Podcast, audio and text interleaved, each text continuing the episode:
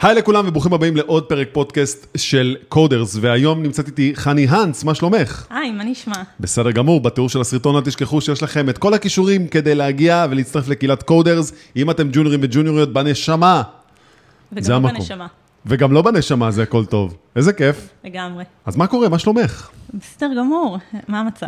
אה, אחלה, אני, אני חושב שקודם כל אה, הגעת לפה כי מצאנו איזה מכנה משותף מאוד גדול, שזה בעיקר אה, לעזור לג'וניורים להתקבל למשרות בהייטק ולדבר על הדברים האלה. אז לפני הכל, תספרי לנו מה את עושה, מה התפקיד שלך ואיפה את עובדת. אוקיי, אז אני מה שנקרא Talent Acquisition Partner, שזה במילים מאוד יפות ומפונפנות, מגייסת. ספציפית אני... אני אוהב מילים מפונפנות, זה כיף, כל אחד יש לו תואר כזה, זה מגניב. לגמרי חובה, מי שלא ראה ארץ נהדרת, אה, לכו לשם. אה, אז אני עובדת בוורביט, זה סטארט-אפ בעולמות התמלול, הפלטפורמה שלנו מבוססת AI, שבעצם עושה איזשהו תמלול אוטומטי, אה, בשילוב עם בינה אנושית, ככה זה מוצר מגניב. נורא נורא מגניב. וואו. האמת גם... כמה זמן את שם? אני כמעט, אני באזור העשרה חודשים שם, אוקיי. אוקיי? אה, ואת לפני- בעצם מגייסת שם, בעיקר מחפשת אה, טאלנטים כאלה, וזה זה, זה דבר, זה ממש מקצוע היום אה, די קשה אפילו, הייתי אומר, נכון? יש פה אתגרים מאוד גדולים. אה, למגייסות כן, מגייסות הפכו להיות, אה, השוק סוף סוף הבין שאנחנו בעצם אה, איזשהו אה, משהו אסטרטגי ולא רק ביצועי. נכון. אה, אם תיכנס ללינקדאין, תראה שיש היום מעל 600 משרות פתוחות למגייסות, אה, בדגש על מה? מגייסות אה, טכנולוגיות, זה מה שאני וואו, עושה גם, מגייסת, 600, וואו, יש ביקוש היסטרי מטורף, איזה מטורף, 600? מעל. פוריל? מעל, וואו, אוקיי. שזה רק אומר כאילו עוד בארץ, כמה כן? אנשים, כן, זה רק אומר כמה אנשים חסר עוד לאייש בהייטק שצריך 600, כן. מעל 600, וואו, אה, אוקיי. הפכנו להיות בערך ה-number 2 אחרי אה, מפתחים. אז, אז. זה מצרך מאוד uh, חשוב בחברה, אז. אז בעצם uh, את שמה עשרה חודשים, אז מה את עושה שם? אה, מגייסת אה, מפתחים בעיקר, בעצם בונה צוותים ב-R&D שלנו. לפי דעתי את יותר כמו uh, בונה אסטרטגיות איך לחטוף אנשים ממקומות עבודה זה אחרים. בעיקר, זה הרבה, הרבה זה הרבה עבודת, שיחות אה, פסיכולוגיות. זה פסיכולוגיות, זה marketing, זה headhunting, זה שילוב של הכל, זה תפקיד מאוד מאוד וואו. מעניין. אוקיי, ובואי נגיד כזה דבר, אז ב-day to day שלך, את מתעסקת בעיקר בטח עם אנשים עם ניסיון שמחפשים כרגע, נכון? אם, אם אתם גם סטארט-אפ, אה, אז בטח רוב המשרות שלכם הם לאנשים עם ניסיון, כי צריך לעבוד מהר. נכון, יש לנו איזשהו צורך כרגע יותר ל- לאנשים מנוסים, עם זאת, בערך, אה, אל תתפוס אותי במילה, אבל אנחנו מביאים סניור, אז אנחנו יודעים שעל הסניור הזה נוכל להביא שני ג'וניורים, או אנשים עם איזשהו ניסיון, אבל לא סניורים. אוקיי, אז בעצם בוא נגיד כזה דבר. אה, מה היית אומרת שבכלל הקושי, כאילו יש כל מיני אה, אה, קשיים מסוימים כאלה ואחרים, ואני רוצה להתמקד ספציפית על ההבדלים בין אה, גיוס, גיוס של סיניור לגיוס של ג'וניור, ונתחיל בכוונה עם הסיניור, מה את אומרת? נתחיל עם היותר, בוא נזרום על זה. עם היותר קליל. לגמרי. אז בעצם סניורים זה מפתחים שיש להם כבר ניסיון, מן הסתם, ב- כן. בתעשייה. סיניור, נגיד, איך היית מגדירה אותו? מישהו שהוא כבר עם חמש שנים, או שזה יותר על סמך הניסיון שלו? אני, זהו, זו שאלה באמת מעניינת, בגלל שאי אפשר תמיד להיתפס. אני יכולה לפגוש אה, בן אדם שעבד רק שנתיים, אבל מה שהוא עשה מספיק משמעותי, והוא בעצם יהיה מפתח יותר חזק מבן נכון. אדם שעבד שבע שנים, ו- ועשה דברים שהם פחות משמעותיים. זאת אומרת שיש לך כבר את היכולת להסתכל ולהבין מה, אם, אם הבן אדם גם אין לו, אם יש לו רק שלוש שנים, אבל הוא עשה מלא דברים בשלוש שנים האלה. אז לפעמים יש לי את היכולת לראות את זה במידה מסוימת כבר על הנייר, זה תלוי כמה הפרופיל, אה, אנחנו מדברים לינקדאין, כן? שם אנחנו... ועוד מעט גם נדבר על זה, כי זה מאוד מעניין, התביעת אה, עין הדיגיטלית שאת עושה על, על מועמדים. לגמרי. אז, אז יש איזה שלב מסוים שאפשר לפעמים לזהות את זה ממש על הנייר, כמובן שצריך לאשש את זה אחר כך אה, מן הסתם בתהליכים, אבל אפשר לפעמים לזהות ממש מי עשה משהו מאוד משמעותי כבר אה, במבט ראשון, לפעמים רק בשיחה טלפונית ראשונית אני אוכל להגיד לעצמי, וואלה, הבן אדם הזה תותח, הוא שווה משהו. דרך אגב, אני אומר אה, לאנשים בקודרס, אה, שהם צריכים לכתוב מראש תסריט של שאלות שהם כבר לקחו ממגייסות או מגייסים שהתקשרו אליהם. כלומר, כמה שיותר להיות מוכנים לזה שהם הולכים להיכנס לאיזה סוג של התשה בשאלות מסוימות שהן יהיו מאוד רפיטטיביות, לגמרי. שהם חייבים אה, להבין שזה כאילו חלק מהמשחק שאנחנו משחקים אותו, כאילו לא משחק משחק, אלא מהחוקים שאנחנו חיים בהם כרגע, שאין אין מה לעשות, נצטרך להגיד מלא פעמים למלא אנשים שונים את אותם דברים. זה נכון. אגב, אני יכולה להעיד אפילו על עצמי, כשאני חיפשתי עבודה, אני עשיתי לעצמי איזשהו, אני בניתי מאגר שאלות לעצמי, ו... ואחרי כל ראיון אני גם שיבחתי בעצם, אה, כתבתי לעצמי מה עניתי ואיפה אני יכולה לשפר את זה. אז נכון, אני לעולמות של הגיוס, אבל כל אחד יכול זה פרויקט. ליישם את זה במקום שלו. זה ממש לגמרי. פרויקט שצריך להיות מוכנים אליו מראש. אז אמרנו סיניורים, נכון. אמרנו שיש את העניין של אה, טביעת עין דיגיטלית שאת שמה עליהם, ואת יודעת בערך להבין כאילו אם הבן אדם באמת אה, טוב או לא טוב, ומשם בעצם, אוקיי, נגיד עכשיו קיבלת פרופיל מה, מה-VP או מה-CTO של החברה, והוא אומר לכם, תקשיבי, אני רוצה מישהו פה עכשיו שייקח את המחלקה הזאתי, ושלא יודע, מה, ייקח את הפיצ'רים החדשים ויטיס אותם לחלל. איך אתם עושים את השיחה הזאת? איך את אמורה להבין משם מי הבן אדם שאת צריכה לגייס? וזה מתוך- קשה. מתוך השיחה עם ה... כן, בעצם יש דרישות. פותחים- אוקיי, אז אנחנו מדברים על בעצם לפתוח משרה, איזשהו תקן, איזשהו צורך שעולה אצלנו. נכון. זה חלק ממה... ממה שאני משתמשת בו בעצם זה להכיר ממש את הביזנס, את כל המבנה של המחלקה שלנו. אני יודעת ממה הצוותים אה, מורכבים, מי יושב בכל צוות, מה הצורך, לאן אנחנו מתקדמים הלאה. ובעצם מתוך זה אני אז יכולה להבין מה ההבנה הדברים... שלך, סליחה שאני קוטע, אבל כן. ההבנה שלך בעצם אז בלהבין ב front-end ו back-end, היא כאילו, יש לך כבר את ה... את ההבנה הכללית הזאת, איך, ה... איך התמהיל הזה עובד בעצם. לחלוטין, אני זה חייבת... חייב. אה, מן הסתם, אני לא ברמה שאני אכתוב קוד עכשיו, אבל כן. את כל המונחים חייבים להכיר אותם אה, לעומק, וצריך לדעת לשייך, ואיזה טכנולוגיות יותר חשובות, וגם מה יותר קל ללמוד, אה, אם אנחנו נדבר בהמשך יותר על איזה סקילס, לעומת אה, מה שאנחנו כבר מביאים, אז אה, צריך לדעת באמת מה מתאים לאיפה. כלומר, זה שאת מגייסת ומחפשת בעיקר טאלנטים, זה אומר שאת גם חייבת להבין את כל ה-name dropping שעושים, לא לרמה עכשיו של טכנית, אבל באמת להבין איך זה מתקשר למשרה, איך זה מתקשר לפוזיציה, לחברה, לצוות. גם למוצר אחרת שלנו, זה לא יעבוד. לכל הצורך, לגמרי. אני חייבת לדבר את השפה. אוקיי, אז, אז עכשיו את יושבת עם, עם, ה- עם ה-R&D ואתם עושים את התהליך הזה כדי להגיע להבין מה הדרישות. משם יש איזה בטח איזה נוסח מסוים של אה, אה, מודעה. המודעה הזאת היא, אה, עכשיו מה את עושה איתה? את מגיעה לאנשים קודם ב-DMים, בהודעות פרטיות, או שאת בעצם מפרסמת את זה? אותי זה מעניין מהצד השני, כי סיניורים בדרך כלל מה הם עושים? הם מוצפים, מוצפים במלא דברים. לחלוטין, אז אתה נוגע פה בדיוק בנקודה הנכונה. אני, אם אני מחפש עכשיו מפתח סניור, אז אני אעלה את התיאור משרה לאתר שלנו, נעלה את הפרסום בלינקדאין, אנשים לא יגיעו, נכון, את צודקת. אוקיי? זה כואב, אבל זה בדיוק, זה השוק. השוק היום הוא שוק של מועמדים, לא של חברות.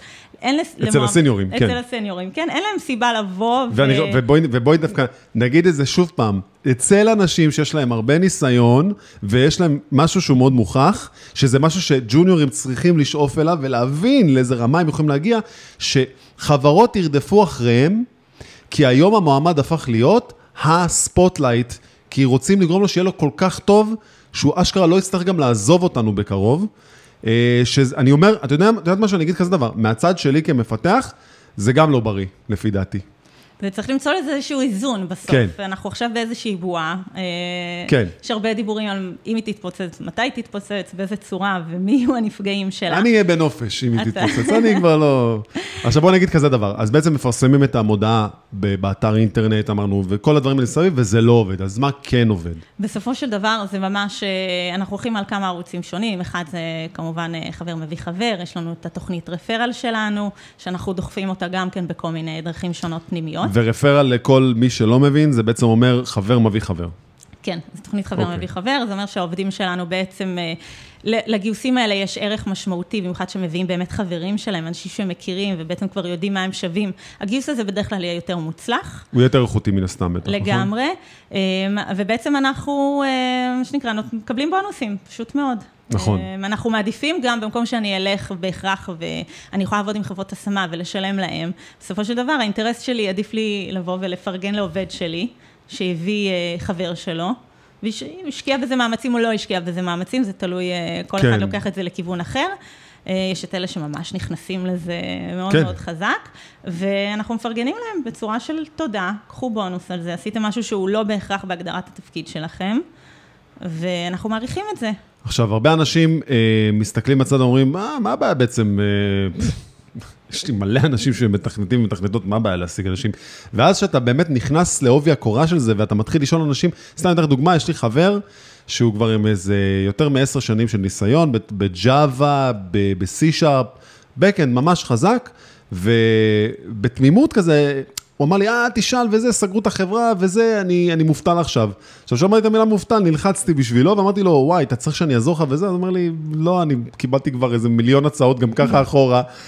אני אראה מה אני אעשה עם זה קדימה. ואז אני פתאום נזכר כזה שוואו, כן, בעצם כל הזמן פונים אלינו, אז לא צריך אפילו את ה... כאילו, אפילו לא הרפרל, אני לא יודע כבר אם הוא עוזר, כאילו... הוא, הוא עוזר, יש לנו גם... אה, הוא עוזר, הוא עובד, כי בסופו של דבר, אנשים עדיין, כן, עושים מעברים בין חברות. גם המנוסים, גם מי שטוב לו, זה משהו שקורה באופן טבעי כל הזמן. אז בוא נגיד ככה, סיניורים, וזה מאוד מעניין בטח גם ג'וניורים להבין, מה גורם להם לקום ולעזוב את מקום העבודה שלהם. אני יכול להגיד לך על עצמי, שהרבה הציעו לי, ואני לא עושה את זה, כי אני מאוד נהנה כרגע במה שאני עושה.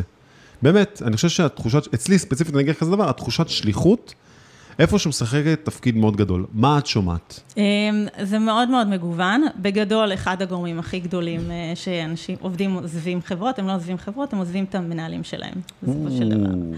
אמ, למנהל הישיר יש המון המון השפעה, האם אה, עובד יישאר או לא יישאר. והיום גם אה, נכנס איזשהו, אני לא רוצה להגיד אותו כטרנד, אני גם מאוד חווה אותו בעצמי.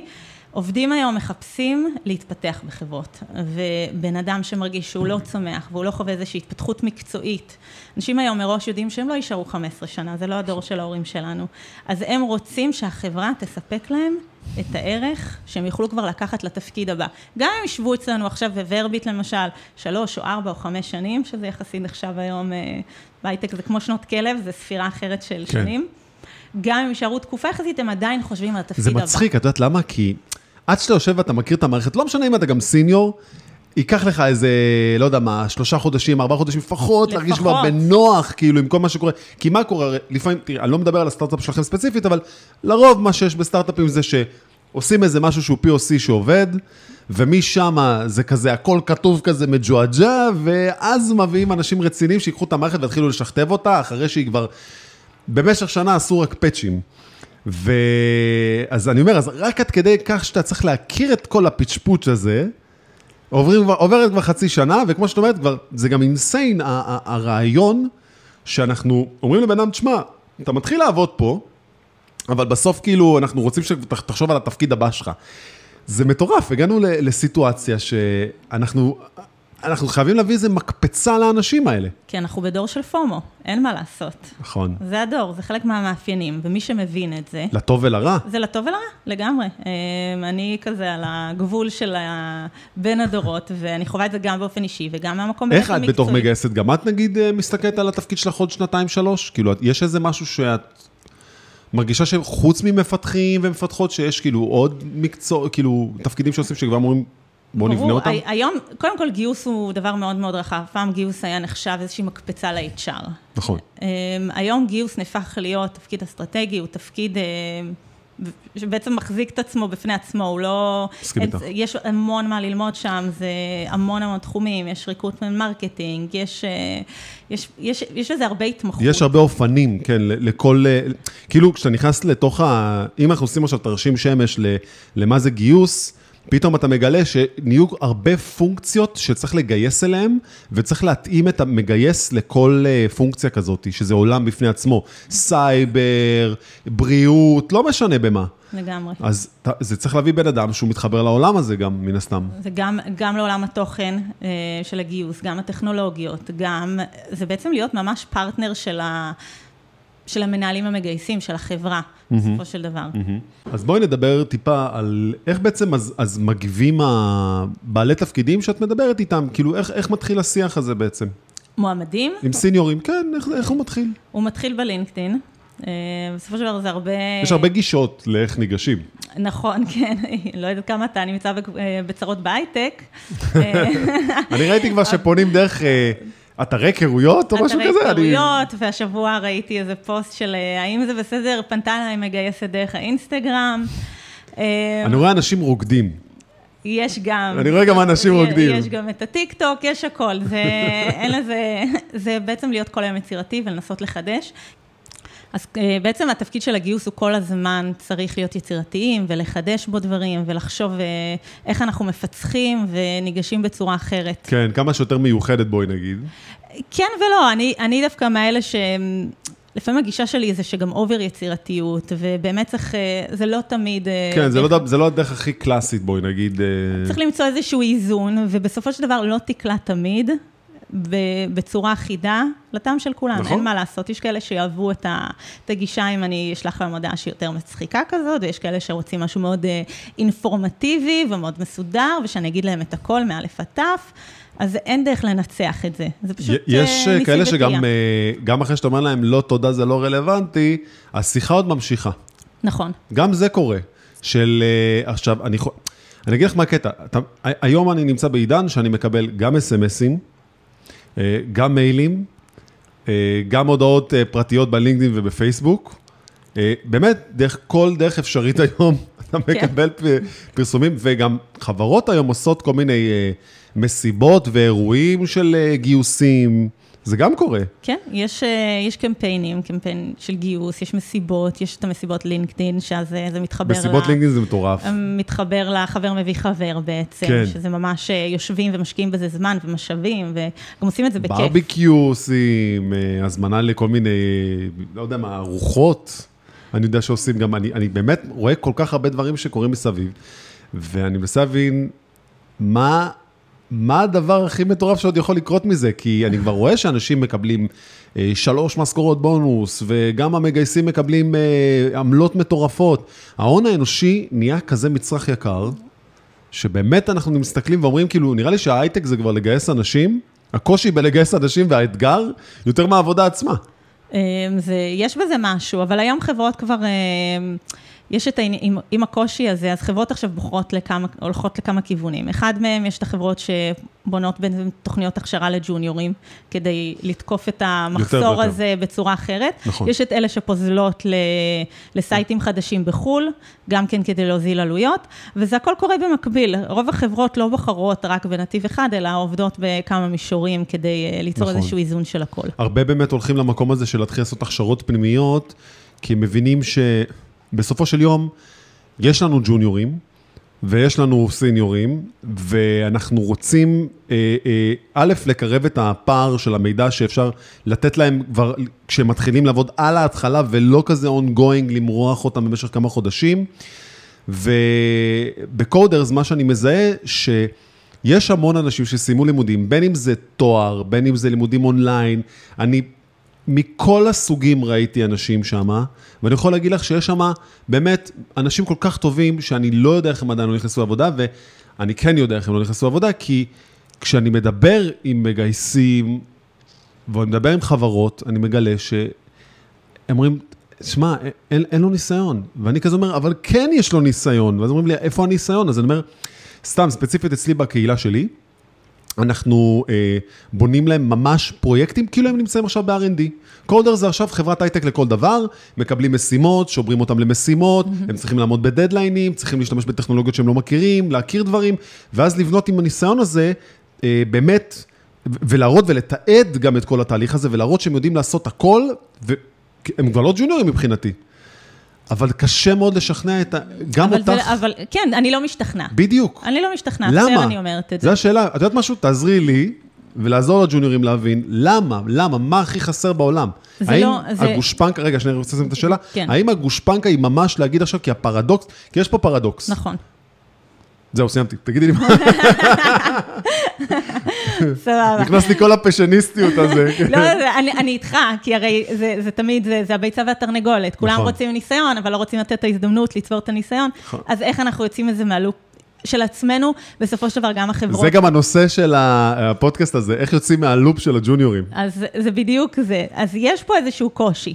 העניין הוא שלפעמים יש צורך של חברה, ואנחנו, נכון. אין מה לעשות, בסוף אנחנו חברות עסקיות. המטרה שלנו זה להיות רווחיים, להרים מוצר. ולפעמים ג'וניור לא יכול לתת את המענה, גם אם יש לנו רצון מאוד מאוד אמיתי, נכון. לתת את ההזדמנות הזאת. לפעמים זה פשוט, החברה לא נמצאת בנקודת זמן הזאת. אז זה מאוד תלוי באיזה שלב נמצאים, מי חברי הצוות, היכולת לתת מנטורינג. אם אני מביאה עכשיו אה, ג'וניור אלינו ואף אחד לא יוכל להתייחס אליו, ולתת לו את ההדרכה שהוא צריך, מה עשינו בזה? אנחנו בעצם יוצא באיזשהו מקום, אה, אתה יכול להגיד לי, טוב, תזרקי אותו למים, ואם הוא טוב, הוא ילמד, כי יש לו יכולות. יפה. אולי אין לו ניסיון, אבל לפעמים הוא יצא מתוסכל, לפעמים הוא יעשה טעויות שיכולות לעלות לחברה בכסף. זה צריך, אה, זה, זה הרבה יותר מורכב מ... אז יפה, בוא, בוא, בוא מהאידיאל ננסה להבין הזה. ביחד את, ה, את התמהיל הזה הנכון של הפרופיל של איזה חברה אז כן מחפשת, שאולי זה כן יעזור לאנשים להבין, כי בסופו של יום, אני רואה הרבה מודעות, סתם נגיד אני עובר על מודעות בלינקדאין ואני רואה שהם מחפשים ג'וניור, ג'וניור, ג'וניור, ואני סתם נגיד, אתמול הצטרפו 64 משרות חדשות של ג'וניורים. וכשאני נכנס למודעות, אז אני רואה שחברה אחת אומרת בלי ניסיון, וחברה אחת אומרת שלוש שנים ניסיון. שכמו שאמרת, זה משתנה מאוד. אז בוא נגיד ככה, צריך להיות שם לפחות אה, סיניור שהוא יהיה פנוי לעשות את המנטורינג. זה צריכה להיות חברה שכבר היא אולי סיימה את ההתקדמות הרצינית שלה, ועכשיו היא צריכה להכניס אנשים לעב- לעבודות שהן אולי אפילו יותר סיזיפיות, מונוטוניות, דברים שהם יותר מתאימים עכשיו לג'וניורים בהתחלה. נכון. זה נגיד המקומות האלה, נכון? לגמרי, אז זה, יפה. זה, זה לגמרי, מת... אם גם תיכנס, הרי איפה הנקודה, כולנו בטח, אה, בטח ראית את המחקר הזה, הכתבה הזאת שיצאה, של אה, מה האחוז של משרות ג'וניור שיש עכשיו בחוץ. כן. 10 אחוז מכל נכון. על המשרות הם סך הכל משרות לג'וניורים. מלכתחילה, ואם אנחנו חוזרים אחורה, מדברים שוק של מועמדים, שוק של חברות, זה בדיוק סוגר את זה פה. להפך מסניורים, פה זה שוק של חברות עדיין. זאת אומרת, יש אז קצת... עברנו משוק של מועמדים לג'וניורים לשוק של, אה, של חב... של חברות. כן, אה, זאת אני אומרת... רוצה לעבוד ב... כי זה ייתן לי הרבה יותר עכשיו לרפיוטיישן שלי. כן. בשונה ממועמדים של אל, ת, אל תשאלו את מי גייסתי, בגדול. אז, אז נגיד כזה דבר, תראה, אני יכול להגיד לך מהצד שלי, מה אני חווה מג'וניורים. אומרים לי, אני שול, שלחתי 100 קורות חיים בשנה האחרונה, אף אחד לא חזר אליי. זה נקודה ראשונה, אז... אז כן, אז, אז תראה, אז קודם כל לגבי שלחתי קורות חיים, אף אחד לא חזר אליי, אז אתה, לא חזרו אליי בכלל, או חזרו אליי לא חזרו אליי? בכלל. אז טוב, זה כבר אה, איזושהי נקודה כואבת לי. אה, אני העליתי פוסטים על העניין, כתבתי אפילו טור אגב ל-N12 בדיוק בנושא הזה. אה, שהוא שחז- בעצם מתמקד במה ב- לא בסדר בקורות חיים, נגיד. לא, לא, לא, שדווקא מתמקד בלהחזיר תשובה למועמדים. אוקיי. על הצורך או. הזה שחייבים להחזיר תשובה למועמדים. עכשיו, חוקית אני יכולה להגיד לך שאנחנו בשלב של שליחת קורות חיים, אין חובה חוקית לעשות דבר כזה. כן, יש איזה סף. אה, זה, זה משלב של ראיון או איזושהי מטלה. גם ש- זה קשה, כמה קורות חיים את מקבלת ביום, לדוגמה, אם עכשיו את מגייסת אם לג'וניור? אני פותחת משרד ג'וניור, אה, אפשר להגיד שהלך עליי אה, מבול. מבול. זה, זה מאות קורות חיים. אבל זה גם מבול, שבשונה מסיניורים, הקשת, הספקטרום היא מאוד שונה, כי את, את באמת תקבלי הכל מהכל. זאת אה, הבעיה העיקרית. הכל מהכל. יגיעו אנשים בלי ידע בכלל, נכון. לאנשים עם הרבה ידע, אבל בלי ניסיון. לגמרי. זה יכול, זה, זה מאוד יותר משתנה. קשה. זה, זה יכול להיות אה, מישהו שרוצה להיכנס להייטק ואין לו שום ניסיון, זה יכול להיות מישהו שעשה איזה קורס אה, ג'ון ברייס ו, ודומה, וזה יכול להיות בוגר אה, אוניברסיטה, זה יכול להיות גם סטודנטים שמחפשים משהו ג'וניורי, זה יכול להיות מישהו שעבד שנה, שנתיים ומגדיר את עצמו עדיין כג'וניור, וזה גם כן בסדר. זה הבעיה בהגדרה של ג'וניור אז, לפי דעתי, כי ג'וניור היא הגד- הגדרה מאוד רוחבית למשהו שהוא לא באמת מבטא את, את הקהל הזה של האנשים הללו, ואני חושב ששמה, אני הייתי רוצה לעשות שינוי. ולהתחיל להכניס אולי, אני לא יודע, צריך להתחיל לחשוב על כל מיני אה, מונחים חדשים כדי שזה כן, יעזור לך ולי. יש חברות שקוראות לזה, נגיד, אה, ברמה של entry. זאת אומרת שזה. ממש, ממש, נכון. זה מאוד, זה קצת ממקד את זה. זה אומר שזה מישהו שבאמת יש לו אפס ניסיון. זה ממש מגיע לעולם עכשיו של ממש מתמחים, הייתי אומר אפילו. לגמרי. זה אפרנטיס אה, לחלוטין, כאילו. כן, זה אינטרנשיפ, אבל, אבל לא בדיוק. כי, כי זה בעצם מהות קצת שונה, בדרך כלל נכון. התמחויות הן אה, מראש לתקופה של כמה חודשים, זה גם אה, קהל שהוא יותר בדרך כלל סטודנטים, ופחות אנשים שכבר מחפשים משרה מלאה. זה כן איזושהי אופציה לשים דריסת רגל, אבל זה בדרך כלל לא יושב על אותה משבצת של משרה. אז, אז אמרנו, אוקיי, מישהו שלח מהקורות חיים, לא חזרו אליו, וזאתי בעיה מהותית, כי לדוגמה, הוא עוד לא עשה את ה-self reflection כלפי עצמו. עכשיו, אני אישית אומר, איך הגעת למצב שאתה שולח 100 קורות חיים? מה, ניסית לירות לכל הכיוונים וחשבת שזה יפגע?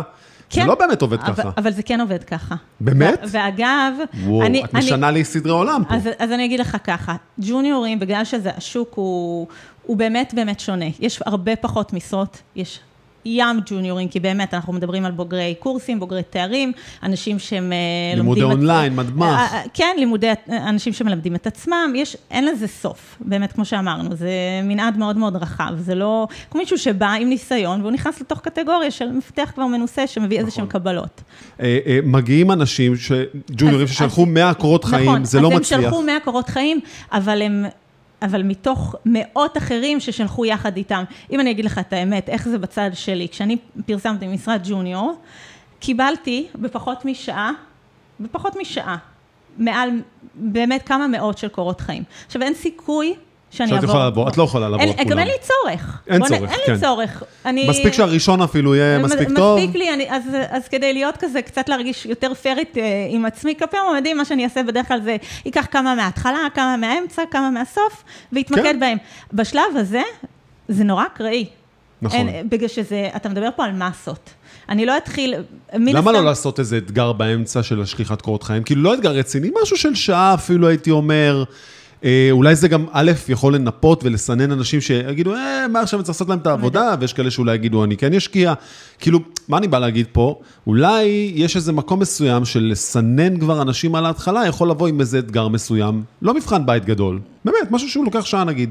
זה לגמרי רעיון, יש מצבים אה, שעושים את זה, אבל, אבל אני אה, פחות ארגיש בנוח ל- לבוא ולהגיד לבן אדם, אפילו לג'וניור, בוא תקדיש את הזמן שלך, בלי שדיברתי איתך אפילו שיחה אחת. אני לא יודעת אפילו, אוקיי. בלי שיחה ראשונית, אם הבן אדם, אם יש פה איזושהי התאמה מינימלית ברמה של תיאום ציפיות, ברמה אישיותית, מכל הבחינות. ובאמת שזה קצת, אה, תהיה ג'וניור, שלחפש עבודה, כל הזמן זה לחפש עבודה, חייבים לשים נכון. את זה על השולחן. מי שחושב שזה יבוא לו בקלות, זה לא. זה לא. זה לחפש עבודה. זה לשמוע הרבה לא, זה- זה- ולהתרגל ללשמוע הרבה לא. נכון, וגם אסור שזה ישבור אותך, ואסור להתייאש, ולדעת שבסוף אפשר להצליח. כן. אבל עם זאת, אתה, אם כל חברה עכשיו תבוא ותכניס איזשהו אתגר, גם אם זה משהו של, תקרא לזה שעתיים, שלוש, שזה נחשב לא איזה משהו שמצריך הרבה זמן, אנשים לא יצאו מזה. אז אה, אין, אה, זה, זה נהפך להיות, אה, אני לא שוללת את זה במהות, אבל צריך איזשהו, אולי להכניס את זה בשלב טיפה יותר ראשוני, מתקדם. אבל כן, טיפה כאילו יותר משהו מתקדם. אז בוא נגיד כזה דבר. אז, אז uh, את מסתכלת על, על הקורות חיים, את דוגמת מההתחלה, מהאמצע מה, ומהסוף, כי מה לעשות, זה, יש לך גם יום שלם שאת צריכה להתקדם עם הדברים נכון. שלך והיעדים שלך.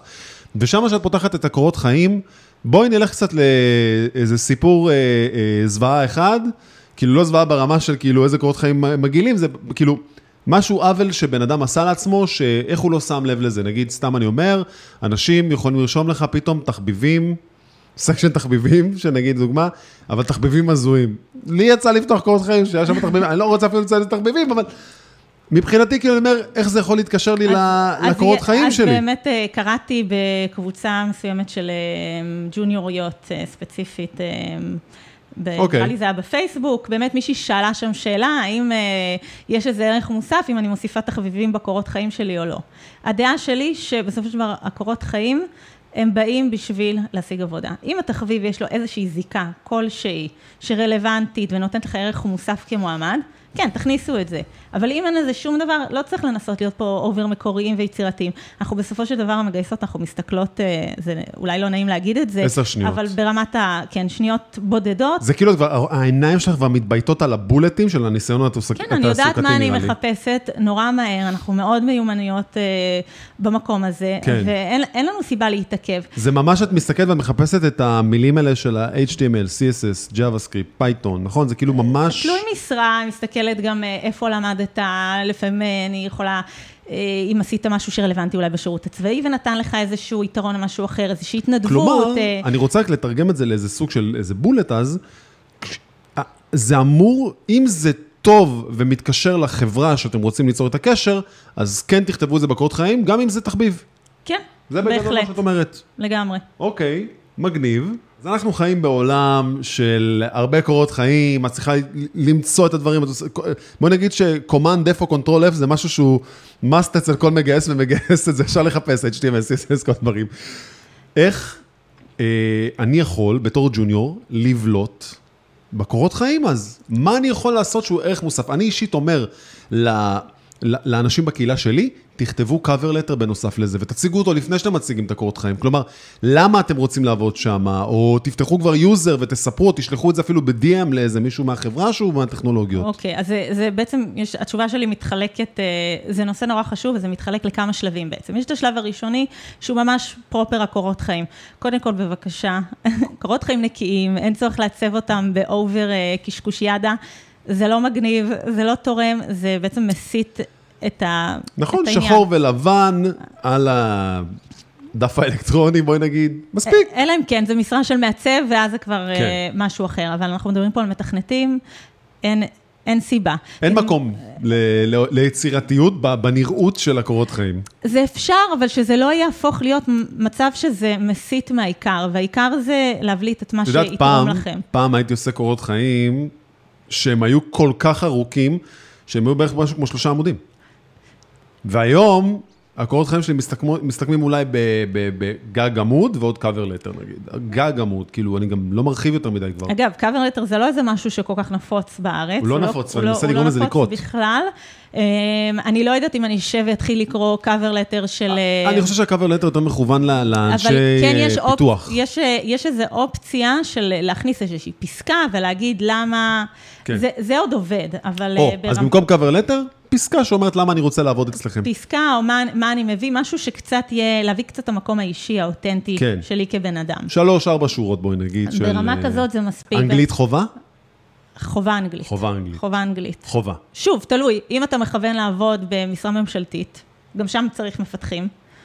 אמ, אז לך על עברית. אבל בסופו של דבר, הכלל המאוד יבש זה אם, ה, אם המשרה מפורסמת באנגלית, שולחים קורות חיים באנגלית, אם היא מפורסמת בעברית, אז בעברית. זה מאוד אה, עושה סדר, אבל אם זו חברה בינלאומית, אז מן הסתם. כן. או סטארט-אפים, כל העולם הזה של הסטארט-אפ הייטק, קורות חיים כן, בעברית. זה קצת מצחיק, אנחנו אה, אה, מדברים עברית כולם, אבל כותבים רק אנגלית. נכון, אבל זה... אין מה לעשות, זה השוק. נכון, זה אה, השוק. אני מודה, אני נגיד בלינקדאין, אין לי בעיה, אני פונה לאנשים בעברית, לא רק באנגלית, אני גם מעלה פוסטים בעברית, זה בסדר, זה באמת שפת האם שלנו, וזה לגיטימי. אבל, אבל קורות חיים. אבל קורות חיים, אני ממליצה כן. לגמרי באנגלית. אמ, מה עוד? אם יש התנדבויות, או אם אנחנו חברים ב... לא אני, אבל uh, אתם, חברים באיזושהי קהילה שהיא רלוונטית. שעוזרים שם אולי, תורמים, עושים כאילו... כל, כל דבר בעצם שהוא נותן איזשהו ערך מוסף. כאילו לכתוב את זה בלינקדאין בתור איזו פעילות מסוימת שעושים נגיד? לתעד את זה שם או בקורות חיים? Uh, גם וגם. גם וגם. בסופו של דבר, הלינקדאין היום זה כמו קורות חיים. ואת נכנסת גם לגיטאב? לפעמים. כאילו אה, קורה, אם את רואה שמישהו כזה בולט, או מישהי בולטת, את, את כן לוחצת על הלינק, לראות אם יש מספיק פרויקטים בטח, אני מאמין. אפשר, אפשר להסתכל שם. אני בדרך כלל יכולה, אם איזו התלבטות, אני יכולה דווקא להפנות אה, את הפרופיל לאחד המפתחים שלנו, אחד המנהלים, בגלל שבסופו של דבר הם האנשים שידעו, כן. הר, זה לא אומר כלום אם יש הרבה כמות, אה, אתה יודע, מספר גדול של פרויקטים זה האיכות, זה לא הכמות. כן, נכון. עכשיו, אני בסופו של דבר לא קוראת קוד ברמה כזאת, אז נכון. אני לא אוכל להעיד אם הפרויקט הזה שווה משהו או לא. אני יכולה להסתכל על הדירוג, על הכוכבים, על מה, על התגובות ועל מה קורה שם. אז במידת ו... הצורך את, את אה, מצרפת אה, מישהו טכני כדי לראות בעצם. זה, זה הדרך הנכונה לעשות את זה. אוקיי, יפה. בגדול. אז מה עוד? אז מבחינת קורות חיים, לתת, להתמקד בעיקר, להדגיש את הדברים החשובים. וואלה, אם אתם סטודנטים מצו... אה, מצטיינים, תכתבו את זה. יצא לי לדבר עם סטודנטים שפתאום אמרו לי, כן, סיימתי בממוצע כזה וכזה וכזה. ואני אומרת, וואלה, זה לא כתוב בקורות חיים. חבל, כי יש חברות שזה כן קריטי להם, יש חברות שאם אנחנו מחפשים עכשיו נגיד בוגר אה, תארים, מן הסתם אנחנו נכוון גבוה. מה כן. לעשות? אה, למה ש, שנחפש מראש אה, את אלה, זה לא אומר כלום, כן? שאף אחד כן. לא, לא ייפגע, אנחנו מסיימים את ה... כל אחד מסיים את התואר עם היכולות שלו ומכל מיני סיבות שונות, אבל מן הסתם רוב החברות יכוונו גבוה ויחפשו את השכבה המצטיינת קודם כל. תלוי אבל גם באיזה תחום יחפשו גבוה. אני חושב ש... יש ויש, אני חושב. כאילו, קורפורטים אולי כן ירצו אנשים עם יותר uh, ציון גבוה, אני חושב שבסטארט-אפים, uh, תבוא עם ניסיון. הניסיון כאילו... קודם כל תמיד עדיף, בסופו של דבר. ניסיון אני יכולה להגיד שאצלנו בוורביט אנחנו, מי שכבר מנוסה, אני אפילו לא מסתכלת על ההשכלה שלו. ההשכלה לא מעניינת אותי בשלב שכבר יש לך כן. ניסיון. יש חברות שזה עדיין קריטי להם, וזה איזשהו... אה, אבל בואי נגיד. ג'וניורים זה עוד איכשהו, יש שם אבל אצל ג'וניורים משקל. יש לזה משקל, כי הם לא מביאים את הניסיון, אז לפחות נכון. שיביאו... אה, אני לא אומרת שאנחנו שוללים גם אה, בוגרי קורסים והעולם הזה, אנחנו גם יכולים עכשיו השאלה. שלך היא כזאת, בואי נגיד, סתם אתן לך דוגמה, האתגר של נובמבר שלנו היה לבנות אפליקציה שהיא cross פלטפורמית, כלומר גם אפליקציית native למכשירים ניידים, אוקיי. גם אפליקציית ווב, וגם הם עובדים ביכולות ענן, לצורך העניין. וכל זה הם גם כותבים את המשימות ומפרקים אותם. עכשיו, איך היית רוצה שדבר כזה יבוא לכדי ביטוי בקורות חיים? למה אני אומר את זה? כי המטרה של קודרס היא לתת לאותם אנשים את הדימוי של עכשיו אני עובד במקום, אז הנה זה כאילו ההדמיה הכי טובה שיכולה להיות. קיבלנו מוצר, מה אנחנו צריכים לעשות, בונים אותו, עושים אותו, מתעדים אותו. איך היית רוצה לראות את זה בקורות חיים, ואיך זה יכול אולי כן לעזור? הדרך הכי נכונה זה לתאר בכמה משפטים, לא משהו מוגזם, אה, כמה מילים או כמה משפטים, זה תלוי במורכבות אולי של הפרויקט. כפרויקטים ולא כניסיון תעסוקתי, נגיד נרשום פרויקטים כנושא? אפשר כפרויקטים, זה, זה קצת תלוי איך מעצבים את זה. אפשר... אז אה, אני אגיד לך איך אני רואה את זה, כי למה אני אומר, אנחנו צריכים להגיע לרמה פרקטית, כדי לנסות להבין מה כן יכול לתפוס לך את העין, במיוחד במשרות של ג'וניורים. אז אני, מה אני חשבתי? אתה עושה ניסיון תעסוקתי למעלה, ומתחת אתה רושם פרויקטים אישיים, וב personal projects לצורך העניין, אתה כן רושם כאילו לדוגמה cross platform application, ואז אתה, אתה מציין את כל מה שעשית בפנים, ואתה נגיד שם לינקים ל GitHub של זה. אבל כן, לגמרי, גם, אה, גם לספר בכמה מילים בעצם מה זה עושה, כדי שמי שכמוני, שהוא פחות אה, כן. הצד הטכנולוגי, יוכל להבין, שאני אוכל להבין שזה שווה איזה משהו, אני אראה שם את ה buzzwords אולי רלוונטיים לתפקיד שאני מחפשת, וגם מן הסתם לצרף לינק, בשביל שנוכל גם לבדוק את זה אז, יותר אז לעומק. בואי נגיד, אוקיי, יש, יש את, ה, ה, את הדרך להיות בולטים בקורות חיים. עכשיו, סיימת את הקטע הזה, ועכשיו יש לך נגיד עשרה, צמצמת את הכל לעשרה מועמדים ומועמדות. משם את עושה טלפון ראשוני? נכון. יש פה בעיה מאוד גדולה בטלפון ראשוני, כי הרבה אנשים אומרים לי, אין לי כוח, אני לא רוצה לדבר, נמאס לי כבר, כל המתקשרים חופרים לי. ואני אומר דבר מאוד פשוט, תהיו נחמדים. אני יכול לספר לך על עצמי, שפעם אחת כבר I lost it, ממש, שהייתי ג'וניור בהתחלה, כי דיברתי עם איזה עשרה אנשים נראה לי באותו יום, ככה זה זכור לי במוח לפחות, שכבר לא היה לי כוח לדבר עם הבן אדם האחרון, שכבר כאילו איפשהו די זלזלתי כבר בשיחה, ו- ולמה לא עצרת, כאילו לא ידעתי את זה אז, אבל למה לא עצרתי את השיחה ואמרתי, בוא נדבר מחר. זה, זה... מרוב הנואשות יכול להיות. בדיוק. קודם כל, היית ג'וניור לפני כמה שנים? וואו, אני כבר 15 שנה מפתח. בדיוק. אז- הי- היום השוק הזה, אמרת, דיברתי עם עשרה אנשים, no offense, הסיכוי שהיום ג'וניור בלי רבע ניסיון יקבל עשר שיחות ביום ממגייסות, סיכוי הרבה יותר נמוך. אוקיי. אז, אז שיחה שמגיעה ממגייסת, קודם כל, חייבים להתאבד עליה. להתאבד עליה. אם אני עונה... כלומר, להיות מצוחצחים ב... אין, אין פה, כן. אתה, היום ג'וניורים לא יכולים להרשות לעצמם, בגלל שאין מה, אז אמרנו, שוק קצת אחר, אין המון משרות. turn כבר on the glam. הם לא, ממש. עברת כבר, הצלחת לעבור את הסינון של הקורות חיים. בין מאות אה, עד אלפים ששלחו לאותה חברה, התקשרו אליך, אתה חייב לנצל את המומנטום הזה. אבל את יודעת מה מגניב בסיפור הזה בין עד, עד כה, ועוד מעט נגיע לשיחות, שבעצם יש תבנית שאם אנשים יפעלו על ידה, אז uh, הם כן יקבלו שיחות. כאילו, זה לא קשור לכמה אתם טובים, זה קשור ל... האם עשיתם גם את הדרך הנכונה בזה שתגרמו לזה שיתקשרו אליכם? יש דרך, לגמרי, אני יכולה להגיד לך שאחת הג'וניוריות אצלנו, ב-R&D, היא סיימה תואר, ובלי להתבייש, לפעמים זה עובד, לפעמים לא, אבל היא שלחה הודעה בלינקדאין ל-VP R&D שלנו. וואו, מעולה. אני הייתה, אוהב את זה. אני גם מאוד אוהבת את זה, זה מאוד אקטיבי, אני לא יושבת ומחכה, אני מראה את המוטיבציה שלי, אני מראה שאני מוכנה לעשות את המקסימום כדי להצליח, ובלי להתבייש, היא שלחה לו הודעה. היא עדיין עברה אבל דרכך, כאילו מן הסתם. בסוף כאילו. היא עברה את כל התהליך, כן. אבל...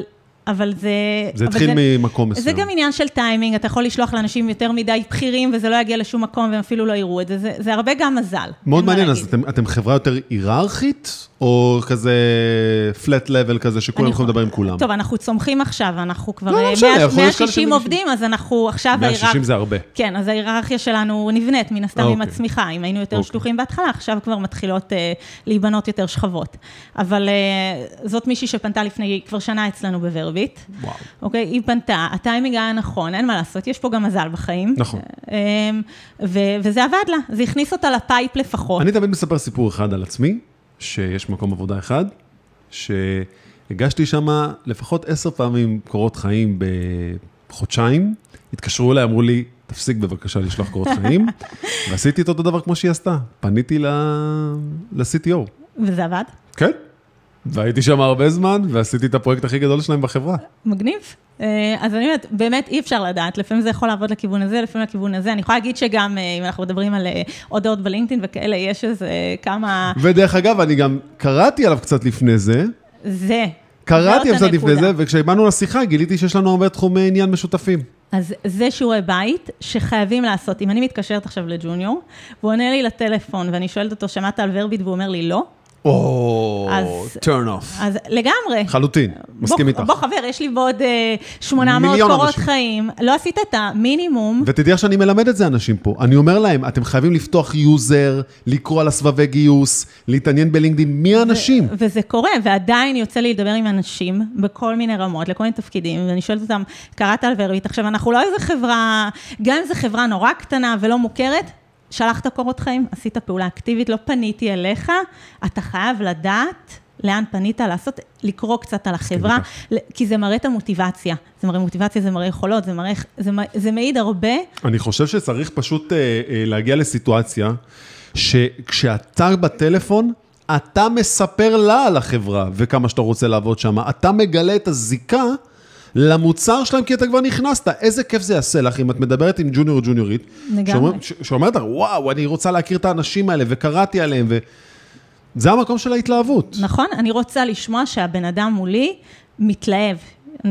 כן, הכי נכון, כאילו, נכון, הכי בטח. המילה של passion. נכון. אין, אין פה, מי שעונה לי... אם לא יש זיקה למוצר, אז כאילו, מה... זה, זה לא רק למוצר, זה גם לה, זה לטכנולוגיות, זה, זה לתפקיד. אני מדברת עם, יצא לי לדבר עם איזה ג'וניור, ואני מתחילה לספר לו, ואני, ואני מספרת לסניורים וג'וניורים באותה התלהבות על מה אנחנו עושים, על איפה אנחנו עומדים, גיוסים, על הכל. אני לא, אני לא מוכרת בצורה אחרת את החברה. ואני נורא מתלהבת כל פעם, אין שיחה אצלי שהיא כזאת... אה, אני... נחנחית, כאילו כן, זה ממש לא, תמיד כי, בטורים כאלה של התלהבות. לגמרי, אני מוכרת את החברה, וגם החברה מוכרת את עצמה, כי אנחנו חברה טובה, אז אני לא, זה לא קשה, mm-hmm. אבל, ואז הבן אדם, אה, ואז אני מספרת לו, מגיע, נותן פיץ' מאוד מלא, מה אנחנו עושים, מגיע גם למבנה של ה-R&D, מגיע לטכנולוגיה, את אומרת לו, כן, אצלנו מפתחים בפייתון, ואני, ואז אני אומרת לו, אני יודעת שאתה ג'וניור, ולא בהכרח יש לך ניסיון ב Python, וזה בסדר, אנחנו פתוחים גם אם אתה מגיע עם ניסיון בשפות אחרות. ואז הוא אומר לי, אבל אני לא רוצה לפתח ב Python. וואו, אי אפשר להגיד כזה דבר. אי אפשר. אתה, אתה ג'וניור, אתה רוצה לבוא וללמוד, אתה רוצה להיכנס למערכת, אתה וואו. רוצה להיכנס לשוק, אתה... זה עולם שמי ש... איך עונים, באמת, אני באמת אומר, כאילו, הקטע הוא שאת גם בטח עושה איזה pitch מסוים, והוא בהתלהבות, כמו שאת אומרת, ואז פתאום מישהו אומר כזה משפט, וזה כאילו... אז למה בעצם הייתי עכשיו בהתלהבות יתר איתך? זה מאוד מוריד. לא, באמת, אני אומר לך את האמת, זה מבאס. זה מבאס. אבל זה גם מראה מצד שני, על סוג של אמיתיות מהצד השני, שהוא אומר לך, תשמעי, אל תבזבזי עליי את הזמן. שזה גם nice to have. נכון. כי הוא אומר לך את האמת, אני לא רוצה ללמוד את זה עכשיו. לא לגמרי, זה לגיטימי, אז מבחינתי נפרדות דרכנו. כן, אבל יש דרכים יותר יפות להגיד את זה, בואי נגיד. וזה בסדר, אבל, אבל פה, בשיחה הזאת שלנו, אם אנחנו מנסים לתת פה איזשהו טיפים לג'וניורים, נכון. אל תעשו את זה, תהיו ראש פתוח, כי יש לכם עוד כל כך הרבה מה ללמוד. אני תמיד אומר שמפתחים ומפתחות זה problem solvers. זה אנשים שמחר אתה מנחית עליהם טכנולוגיה שהם לא מכירים, פיצ'ר שהם לא יודעים מה הם צריכים לפתח, והם צריכים לגלות את הקווים שמחברים בין הנקודות, וזה יום-יומי קורה לי בחיים עד היום. עד היום אני מגיע למצבים כאלה, עם כל הניסיון שלי שאני חייב לפתוח וללמוד ולהבין. אה, את יודעת, כי, כי מה לעשות? סתם אתן לך דוגמה הכי פשוטה. אה, אה, קרה לי מצב שיש איזו מכונה מסוימת בעבודה אצלי שעושה איזה משהו. הלך לאיבוד המפתח שפותח את המכונה, אי אפשר לגשת אליה. מה עושים? מה עושים? מה עושים? אני אומר לך מה עושים. מצאתי בסוף את הפתרון מה עושים. זה לקח לי יום שלם לחקור ולהבין איך אני עושה את זה. אבל לפני זה גם דאגתי לעשות כל מיני דברים. לא הלכתי לאנשים, לא ישר צעקתי לאיזה מישהו מדב-אופס, אה, בוא תעזור לי וזה. לא צריך.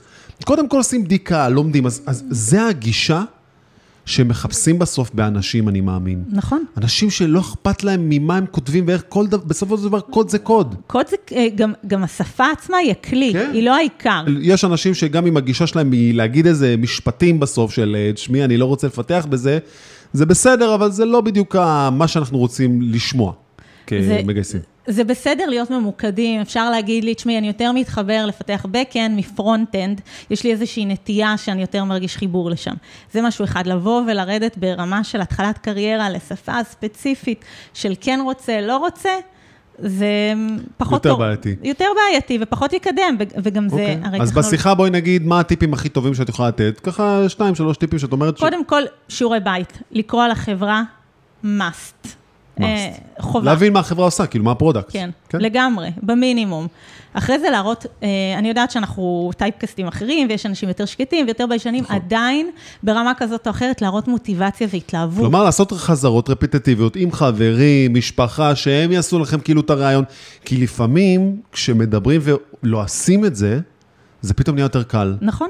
כמה לא. קשה זה לבוא ולהציג משהו שאתה בעצם אף פעם לא דיברת עליו. זה מטורף, זה קשה. כן. עכשיו, בסופו של דבר, השיחות האלה זה לא שיחות נורא ארוכות. שיחת סינון טלפוני, שיחה של בדרך כלל באזור הרבע שעה בהגזמה. נכון. אז תהיו מוכנים לשיחה כזאת. אה, גם תענו לשיחות ממספרים שאתם לא מכירים. כן. אני קורא לזה שיחת קפצ'ה. זה להראות שאתה לא בוט. זה להראות שאתה אנושי. זה כן, זה, נמצא. זה, זה, בוא נגיד שמי שלא עובר שיחת סינון טלפונית, בדרך כלל, הבעיה היא מהותית על ההתחלה, היא פונדמנטלית. היא- ממש, כי זה לא, אנחנו גם, אנחנו מגייסות, תמיד יש את כל הדיבורים האלה על המגייסות, ואיפה הן מחפשות את המועמדים וזה. הכי לא, אנחנו בעד, אנחנו בעד המועמדים, התפקיד שלנו לגייס. נכון. אנחנו רוצות שתצליחו, החברה רוצה גם שתצליחו, אף אחד לא רוצה לבזבז זמן ומשאבים בשביל להכשיל אף אחד. נכון. אנחנו בצד בטח, של המועמדים, כסף, בסופו זה הרבה של כסף דבר. שנשפך למצוא ולמיין ולסנן אנשים. אז, אז אנחנו בצד, אנחנו בעד המועמדים, אנחנו פה מועמדים. ו... נכון. אז, אבל כן, הם צריכים לעשות את ההכנה, צריך לעשות את השיעור בית, צריך להתאמן, צריך לגעת, לד... סתם שאלה, זה היה עוזר אם בן אדם היה שולח בקורות חיים לינק לקישור לסרטון וידאו שהוא מספר על עצמו. סתם, מעניין אותי להבין ממך אם זה נגיד בגיטה, בא מופיע לו שם קישור של uh, get to know me, סרטון של דקה וחצי, בוא נגיד, הוא רוצה לספר על עצמו. זה משהו שהיה עוד יותר תורם, או שלפי דעתך הוא גם יכול לחבל? אני לא יודעת אם לחבל, אבל הוא לא בהכרח, בגלל שאנחנו לא, בסופו של דבר, המערכות שאנחנו עובדים איתן, הן לא בהכרח, אה, לא נגיע לזה, יכול להיות שהוא אה, ייפול בין אוקיי. הכיסאות. בסופו של דבר, אם אה, אנחנו מדברים על משרד ג'וניור, שמן הסתם אני לא הולכת לעשות לזה הנטינג ממוקד, ואני מקבלת את הקורות חיים אליי, ושולחים דרך נכון. המערכת שלנו, בסוף אני מקבלת קובץ קורות חיים. אז בואי נגיד. ככה, להשקיע יותר ב open source, לתרום קוד, לעזור בקהילות, לכתוב את זה, שזה יהיה מנוסח טוב וקצר בקורות חיים, ולהדגיש את הטכנולוגיות. לגמרי, ואז לדעת לספר על זה, כששיחה טלפונית. נכון. ובואי בואי ניתן דוגמה באמת, שדוגמה שאת תשאלי אותי, תני לי איזה שאלה באמת של לספר, ובואי נראה מה אני אענה לך. מעניין אותי, סתם, נעשה סימולציה קטנה. נגיד, אוקיי, אז, אה, אז אני רואה שלמדת ב Coders. כן, בוא, בוא תספר לי על פרויקט מאוד מעניין שעשית שם. טוב, אבל אני אענה לך ממש טוב על זה, אז... אז אה, אוקיי, בסדר, אז אני אענה לך משהו שהוא בסגנון, תראי, רוב האנשים שאני מנסה לדבר איתם בהתחלה, אז הם יגיבו ככה, הם יגידו, אה, כן, אני חבר בקהילה, ו... וזהו, וכן, לפעמים יש סרטונים שאני ממש אוהב שם, ו... וזה עוזר לי. עכשיו, זאת, זאת תשובה שבדרך כלל גנרית שמאוד נקבל. מה אני כן הייתי מצפה לשמוע בתור מישהו שנגיד היה מראיין, היה משהו כמו, כן, אני בעצם הצטרפתי ל Coders, למען זה שאני רוצה להיות מפתח, אני רוצה להיכנס לתחום הזה, אני כבר למדתי במשך המון זמן, אני עושה שם המון אתגרים שמדברים גם על טכנולוגיות של cloud, front-end, back-end, אנחנו ממש נכנסים לעובי הקורה, לומדים להבין איך הצוותי פיתוח עובדים. אז, אז אני, אני עוצר את זה פה, כי אני אומר, כן, יש זה אנשים- מה שאנחנו רוצים לשמוע, פירוט. ויש ג'וניורים שיודעים לעשות את זה. הם יודעים לספר מה מעניין אותם, מה הם עושים כדי להגיע למטרה הזאת, לאן הם רוצים להגיע. האם יש משהו שהוא בהערכה עצמית, שהוא גם פקטור מאוד בעייתי פה בשיחות האלה? כי כמו שאמרת, יש אנשים שהם מאוד יותר אינטרוורטים, יותר סגורים, נכון. וקשה להם להסביר, ויש אנשים, כאילו, יש ביטחון עצמי, יש פה איזה משהו מסוים שהם צריכים לעבוד עליו לפני שהם מתחילים את התהליך. רצוי, אבל אנחנו לא יכולים לבוא ולדרוש, אנחנו כן יותר סלחנים ברמת הביטחון. אה, כן? אה, אוקיי. אני לא מחפשת מישהו שיבוא, זה לא, גם לא אנשי מכירות, זה לא... אני לא יודע, כי אני, אני, אני לא זוכר אנשי- מהשיחות שלי תמיד עם אה, אה, מגייסות, שזה כזה, תוך שנייה אחת אמרת משהו לא נכון, השיחה הולכת למקום, מה זה כאילו של יאללה ביי? לא, לא בהכרח. כאילו, שוב, זה- לא בקטע רע, כי כן. אולי ג'וניורים מנסים לפגוע לכל כיוון, ו- וזה לא בדיוק מה שצריך לעשות. אז צריך להיות ממוקדים, בגלל זה כן. חשוב לעשות את ההכנה הזאת, בדיוק כמו שעושים הכנה אה, של הקורות חיים, לדעת לבוא ולספר בדרכים ה- הממוקדות. זאת אומרת, זה מעניין אותי, זה מה שעשיתי, זה מה שלמדתי, אה, אם אני מתנדב איפשהו, אם אני חבר באיזושהי קהילה, אם עשיתי איזשהו פרויקט, לבוא מוכנים, כי באמת זה סך הכל שיחה שנגיד עשר דקות, אתה צריך כן. לבוא ולמכור את עצמך. ואז צריך להבין תהליך. נכון? כאילו, אני בכוונה רוצה שנקפל את כן. הנושא הזה ונבין. אז בעצם, בשיחה הזאת אומרים לבן אדם, תקשיב, יש לך עכשיו תהליך. תהליך שאתה צריך לעבור בחברה, ובדרך כלל זה מאוד מייאש אנשים על ההתחלה ומוריד הרבה, עושה deflating כזה לאוויר, כי אומרים, מה עכשיו תהליך? למה אני פשוט לא יכול לדבר עם המנהלת או המנהל ולהיכנס לעבוד? כי, כי, כי מה הם חושבים להם בראש? שבעצם כאילו מישהו מנסה לשים להם מקלות בגלגלים, כמו שאמרנו מקודם, וזה לא, לא הדרך, הדרך היא באמת לסנן, כי משכורת, גם אם אתה נכנס היום כג'וניור, אתה עדיין מרוויח משכורת שהיא הרבה יותר מהשוק החיצוני נכון. מחוץ להייטק. זה לא סתם שהם משלמים כאלה משכורות, וההון האנושי כל כך יקר, שגם יש המון טכנולוגיות שגם עוקבות אחרי מה שאתה עושה, כדי לראות שאתה באמת מספק את התוצר. כן, סתם ככה לא מקבלים משכורות גבוהות. נכון. אני... אז, אז יש תהליך. אז אתה צריך להוכיח את עצמך, נכון. בסופו של דבר, אין מה לעשות. מי שלא מבין את זה, הוא ימשיך לשבת בבית. וגם אמרת את זה, שקוד זה רק אה, משהו שמשתמשים בו, זה לא באמת המיין thing של מה שעושים, זה גם הפרסונה שלך, באיך אתה מציג את עצמך, מפרט. זה חלק מהרהיטות ומהאישיות שמחפשים. רוצים מישהו שיהיה מאוד שירותי, מישהו שידע לדבר, שידע להציף דברים. לא מחפשים מישהו שיבוא ויהיה סגור ואוטונומי בחיים של עצמו. לפעמים זה גם בסדר, אגב, אני לא רוצה שמישהו יצא אולי בזה אצל סניורים. תחושה. אצל סניורים זה יותר, אה, זה נכון, זה אולי יותר קל, זה יותר. יותר קל לאכול את זה, בגלל שמה ג'וניור? שהם מביאים. אבל אצל ג'וניורים, בסופו של דבר יהיה הרבה יותר קשה לבלוט, באמת בין ים של מועמדים, כשאתה כזה עונה לטלפון, הרגע קמתי, לא בא לי לדבר. אז מה השיחות כוח." שקורות אחרי זה בעצם? נגיד עכשיו סיימתי שיחה טלפונית, מה הלאה, מה עושים? מעבירים אותו למיון נוסף? אם השיחה הייתה טובה, אז אה, לפחות אצלנו, על המקום, אני כבר אה, משקפת ומספרת על התהליך. אגב, זה בסדר גמור ואפילו רצוי לשאול שאלות. זאת אומרת, לא רק לבוא אוקיי. ולספר, אה, לבוא ולספר על עצמי או מה עשיתי. אוקיי. מתוך שאלות אנחנו לומדים הרבה, שני הצדדים בעצם. איזה שאלות נגיד היית רוצה שישאלו אותך, נגיד כמה עובדים בחברה, או מה... מהשאלות באמת הטכניות, אה, נקרא לזה יותר אה, בירוקרטיות, של איפה אתם יושבים ואיך אתם עובדים, אנחנו עובדים היברידית, כמה ימים, זה בסדר לשאול את כל השאלות האלה, כי, כי זה חשוב, רצוי, כן. זה חשוב לבן אדם, למה, אם זה לא מתאים, אם אנחנו, אנחנו חברה שעובדת היברידית, ובן אדם רוצה לבוא לעבוד במשרד כל יום. וואלה, אולי לא יתאים לו הסגנון נכון. עבודה הזה. אז זה בסדר לעשות איזשהו תיאום ציפיות, אבל גם לשאול שאלות על התהליך, את מי אני אפגוש, כמה שלבים יש, מה הולך להיות, כי נורא חשוב, אנחנו נספר את זה בכל מקרה, אבל אם... אבל אם אתם בתהליך מול חברה שלא בהכרח אמרו לכם את זה, זה בסדר גמור לשאול את זה. אוי, העלית פה נקודה שעכשיו חשבתי עליה, אז... בדרך כלל אה, ג'וניורים גם נכנסים לסיטואציה שהם נמצאים בתהליכים בכמה מקומות. מי שמצליח לו, אז אה, מה בוא טוב. נגיד, אה, כן, לא, זה, זה משהו שקורה, אבל אה, אה, יש לך איזה משהו שהוא המלצה לאנשים כאלה? אני, ההמלצה היחידה שלי זה לא לטעות בשמות, אז- ולפעמים השמות הם אותו דבר. יש שמות מאוד מאוד מאוד דומים, ויצא לי כבר אה, הרבה פדיחות עם אנשים. טלי וטליה. אז, שכאילו... אז הכ- ההמלצה שלי, הכי אה, ברמה החנונית, קובץ אקסל. נכון. לגמרי, בלי. להתבלבל, אה, לנהל, אה, אני עשיתי את זה בעצמי. יומן שיחות. עבודה, לא רק יומן שיחות, לכתוב אה, רשימה של החברות שמתמיינים, את המוצר במילה, כן, אם זה סייבר, כן. אם זה AI, אם זה ברמה כזאתי, באיזה שלב אתם נמצאים. לסמן בלוז אפילו מתי הייתה שיחה. ברור, ו, אה, וגם לכתוב עם מי דיברת, כי נכון. בסופו של דבר, אתם לא מתראיינים מול 15 חברות, נכון. כי אנחנו יודעים כמה, פשוט אין הרבה משרות נכון, בחוץ. נכון. זה לא נעים לטעות בשם של הבן אדם שדיברת איתו, לא לזכור עם מי כן. אתה היית בקשר.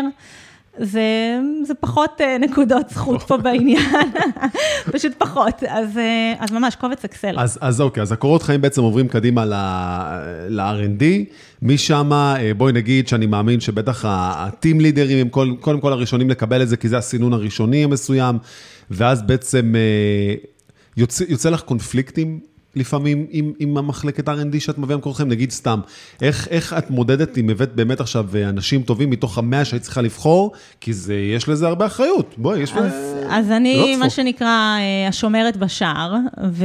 כן. ואני עושה את הסינון קורות חיים, לא המנהלים המגייסים. אה, זאת אומרת, אנחנו במקום שאני מספיק יודעת מה, מה אנחנו צריכים, והם לא צריכים לעבור על זה גם כן. אז אחרי שאני סיננתי קורות חיים ואני עשיתי את הרעיון הטלפוני, אז אם אני רואה התאמה, אז אני כבר על המקום, באותה שיחה, אתאם את השלב הראשון, שזה בדרך כלל איזשהו רעיון טכני. אה, אצל ג'וניורים זה קצת שונה, יכול להיות שכן אה, אנחנו ניתן איזושהי מטלה כדי לתת את ההזדמנות באמת בין כולם. אז מה שדיברנו קודם, האם לתת איזשהו אתגר, אז זה ייכנס בדרך כלל פה, אחרי שנזהה איזושהי התאמה הדדית. מעולה. ואז אני מספרת להם על התהליך בסופו של דבר. אבל בואי נגיד, יכול להיכנס מצב שאומרים לך, תקשיבי, מה שהבאת עד כה זה לא טוב, ואז צריך עוד פעם ליישר את הקו? כאילו, ברור, זה גיוס, כמה זמן לוקח אז? אה, תשמע, אה, אצל סיניור ואצל ג'וניור, בואי נגיד, לפי מה שאת חווה. אצל סניורים יכול לקחת שלושה חודשים לסגור בן אדם. אה, ברמה של תקן, כן, לפעמים אנחנו יכולים לסגור גם שלושה ביום, זה מאוד משתנה, אבל בגדול היום ההגדרות זה שלוקח לסגור תקן בסביבות השלושה חודשים. מטורף. בשוק, כן. אה, אצל ג'וניורים זה יכול לזוז הרבה יותר מהר. אה, אוקיי, כי הדרישות סף הן לא בשמיים, זה, ו... זה, יש לנו הרבה יותר עם מאגר רחב לעבוד איתו, והתהליך הוא קצת אחרת, זה גם תלוי בבן אדם. אם אני נותנת לג'וניור, למשל, מטלת בית, והוא יושב עליה, כן. אני יכולה לתת לו גם שבוע, מה אכפת לי? שישב וישקיע נכון. כמה שהוא רוצה. אבל אם הוא יגיש לי אותה תוך יומיים, התהליך שלו יזוז יותר מהר. נכון, אז אז אז- בעצם, אוקיי. בעצם יש לו, גם, אני מצפה מהם, אני לא מצפה בהכרח, אבל בדרך כלל יש להם יותר פניות. גם לזוז יותר מהר. אצל סניורים שנמצאים בארבעה תהליכים, אתה יודע מה זה לפעמים לתאם להם את השלב הבא, את כן, הרעיון. זה לא פשוט. כל התהליך הוא נבנה קצת אחרת. אז, אז אוקיי, יש לנו את ה... בואי נגדיר את זה קצת בצורה יותר אה, קונטרסטית, העשה ואל תעשה שכבר התחלנו לדבר עליו.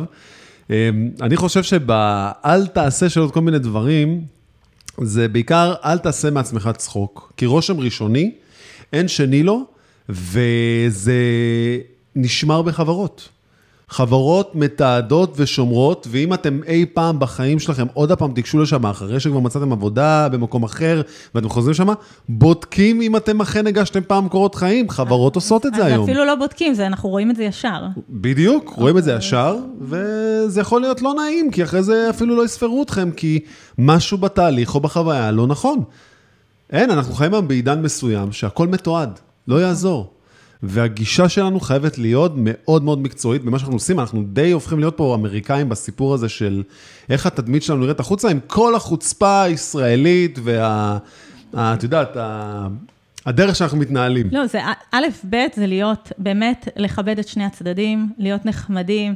אם, אם אתם אה, פונים למגייסת אה, בלינקדאין או לכל בן אדם ו- ואומרים לכם לא, צר לי, כאילו, אה, אז בעצם יכול להיות גם מצב שאנשים מגיבים גם לפעמים בצורה שלילית מתוך, ה, מתוך המקום הזה, אז, אז איך אפשר, איפה ראית את זה? איפה את רואה את זה? אז אני רואה את זה בכל מיני שרשורים של פוסטים, אה, גם בלינקדאין, גם בפייסבוק. אני נמצאת, קחו בחשבון שמגייסות נמצאות בכל מקום. בכל מקום. כל כן. מקום, אנחנו כמו סטוקריות, אין דרך אחרת להגיד את זה, אנחנו, אנחנו שם, ואנחנו רואות, ואם אני רואה בן אדם שטיפה קצת, אה, יש הבדל בין קצת להתבאס על המצב, לממש להיכנס לאיזו התקרבנות קצת אה, קיצונית לפעמים, ולא לקחת איזושהי אחריות. בסופו של דבר, בן אדם שלא מוצא עבודה אחרי תקופה מסוימת, זה לא, לפעמים, זה לא תמיד רק השוק. נכון. צריך לעצור רגע ולהבין מה אני עושה נכון ולא נכון, כי זה אפשרי, בסוף אנשים אז מוצאים את עבודה. כאילו, את אומרת שיש יש תגובות מסוימות שאת רואה שהן כבר ממש קשות, שזה כבר מעיד על בן אדם שאולי הוא צריך לקחת איזה ברייק, לגמרי. יותר מאשר אה, להמשיך לחפש עכשיו, כי זה, כי זה לא הוא, זה משהו שמשתלט עליו, ולפעמים צריך... נכון, בגלל שבסוף הוא יכול לעשות לעצמו אפילו נזק. אם, אה, ו- וזה הכי גרוע, כי בסוף אנחנו בונים פה מערכות יחסים. נכון. אה, ואם אה, אם בן אדם מתכתב איתי... ובדרך כלל, אם יש לך אה, קורות חיים של בן אדם, גם מסתכלים, בודקים, פייסבוק, אני מאמין, רוצים לראות. מי נכון, הבן אדם. אנחנו, אנחנו עושות את, החיפוש הזה, לא כל. אחד, אבל, אבל אין מה לעשות, זה קורה, זה משהו שקורה וחשוב לדעת את זה. גם אם מישהו שולח לי הודעה בלינקדאין, אה, יש לכם משרד ג'וניור ואני אומרת לו, אני תמיד אענה, גם אם זה ג'וניורים, ואני מקבלת, לפעמים לוקח לי זמן עד שאני מגיעה לזה, כי זה כמויות, אז אני אגיד בצורה מאוד יפה אם יש או אין. אז תגיבו בצורה מכבדת גם לצד השני, אבל אם אתם שולחים לי סתם קורות חיים אה, כהודעה, בלי שום היי, מה נשמע, כן, משהו, ישר אולי. כאילו, בואו, אנחנו, אנחנו בני אדם פה, דברו עם הצד השני כמו שאתם רוצים שידברו איתכם. מסתערים על הקרב. כן, גם, גם, אני, כמו שאמרנו, אנחנו יותר סלחנים, אין מה לעשות עם סניורים שהם יהיו כאלה בוטים.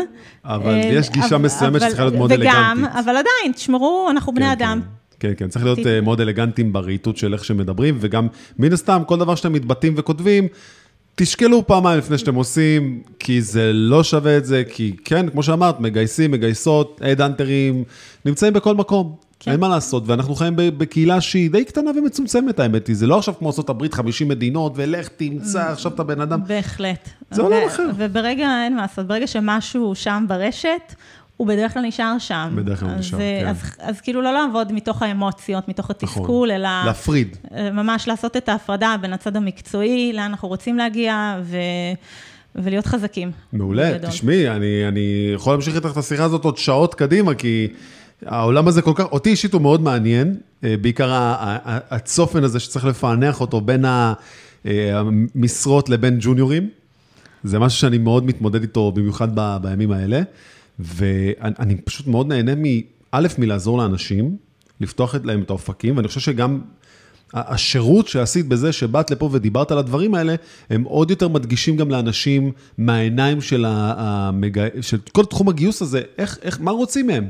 איך רוצים שהם יתנהגו, איך רוצים שהם ידברו, וזה שקיפות טובה שצריכה להיות, צריכה להתקרב אחד לשני. אז בכיף, הכי בכיף בעולם, ו- ואני גם מזמינה, אם אנשים צריכים אה, איזו התייעצות או משהו, אפשר גם לפנות אליי בלינקדאין. אה. ייקח לי זמן להגיע, כן, אה, לתשובות, no offense, אבל, אבל לגמרי, אני תמיד מנסה גם כן לעזור. מעולה. איזה יופי, איזה כיף.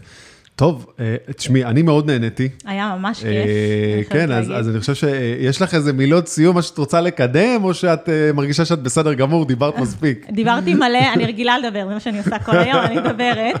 אמ, אבל אמ, אין לנו כרגע משרות ג'וניור לצערי, אנחנו נגיע לזה בוורביט, אבל אם אתם מנוסים, אתם יכולים או מכירים. ה... או מכירים מישהו, אז תבדקו את הדף קריירה שלנו בכיף. החותמת של כל בן אדם שמגייס בהייטק, או אתם מכירים מישהו, חופשי. תעשו רפרר והכל יהיה בסדר. אז אל תשכחו לעשות רפרר לפודקאסט הזה ולפרק הזה, ולשתף אותו עם כמה שיותר אנשים כדי שיגיע להם הידע וכל מה שהוצאנו פה בפודקאסט הזה. אז תודה רבה לך, אני מאוד תודה נהניתי. שאירחת אותי, היה ממש כיף. כיף, כיף גדול. אה, וזהו, ואם אתם רוצים אה, לשמוע עוד פודקאסטים ולהתעניין בעוד אה, דברים שהקהילה הטובה של קודרס עושה, אתם מוזמנים להיכנס לכישורים בסרטון כמובן, ולהצטרף וליהנות מכל מה שאנחנו עושים. יאללה ביי. ביי.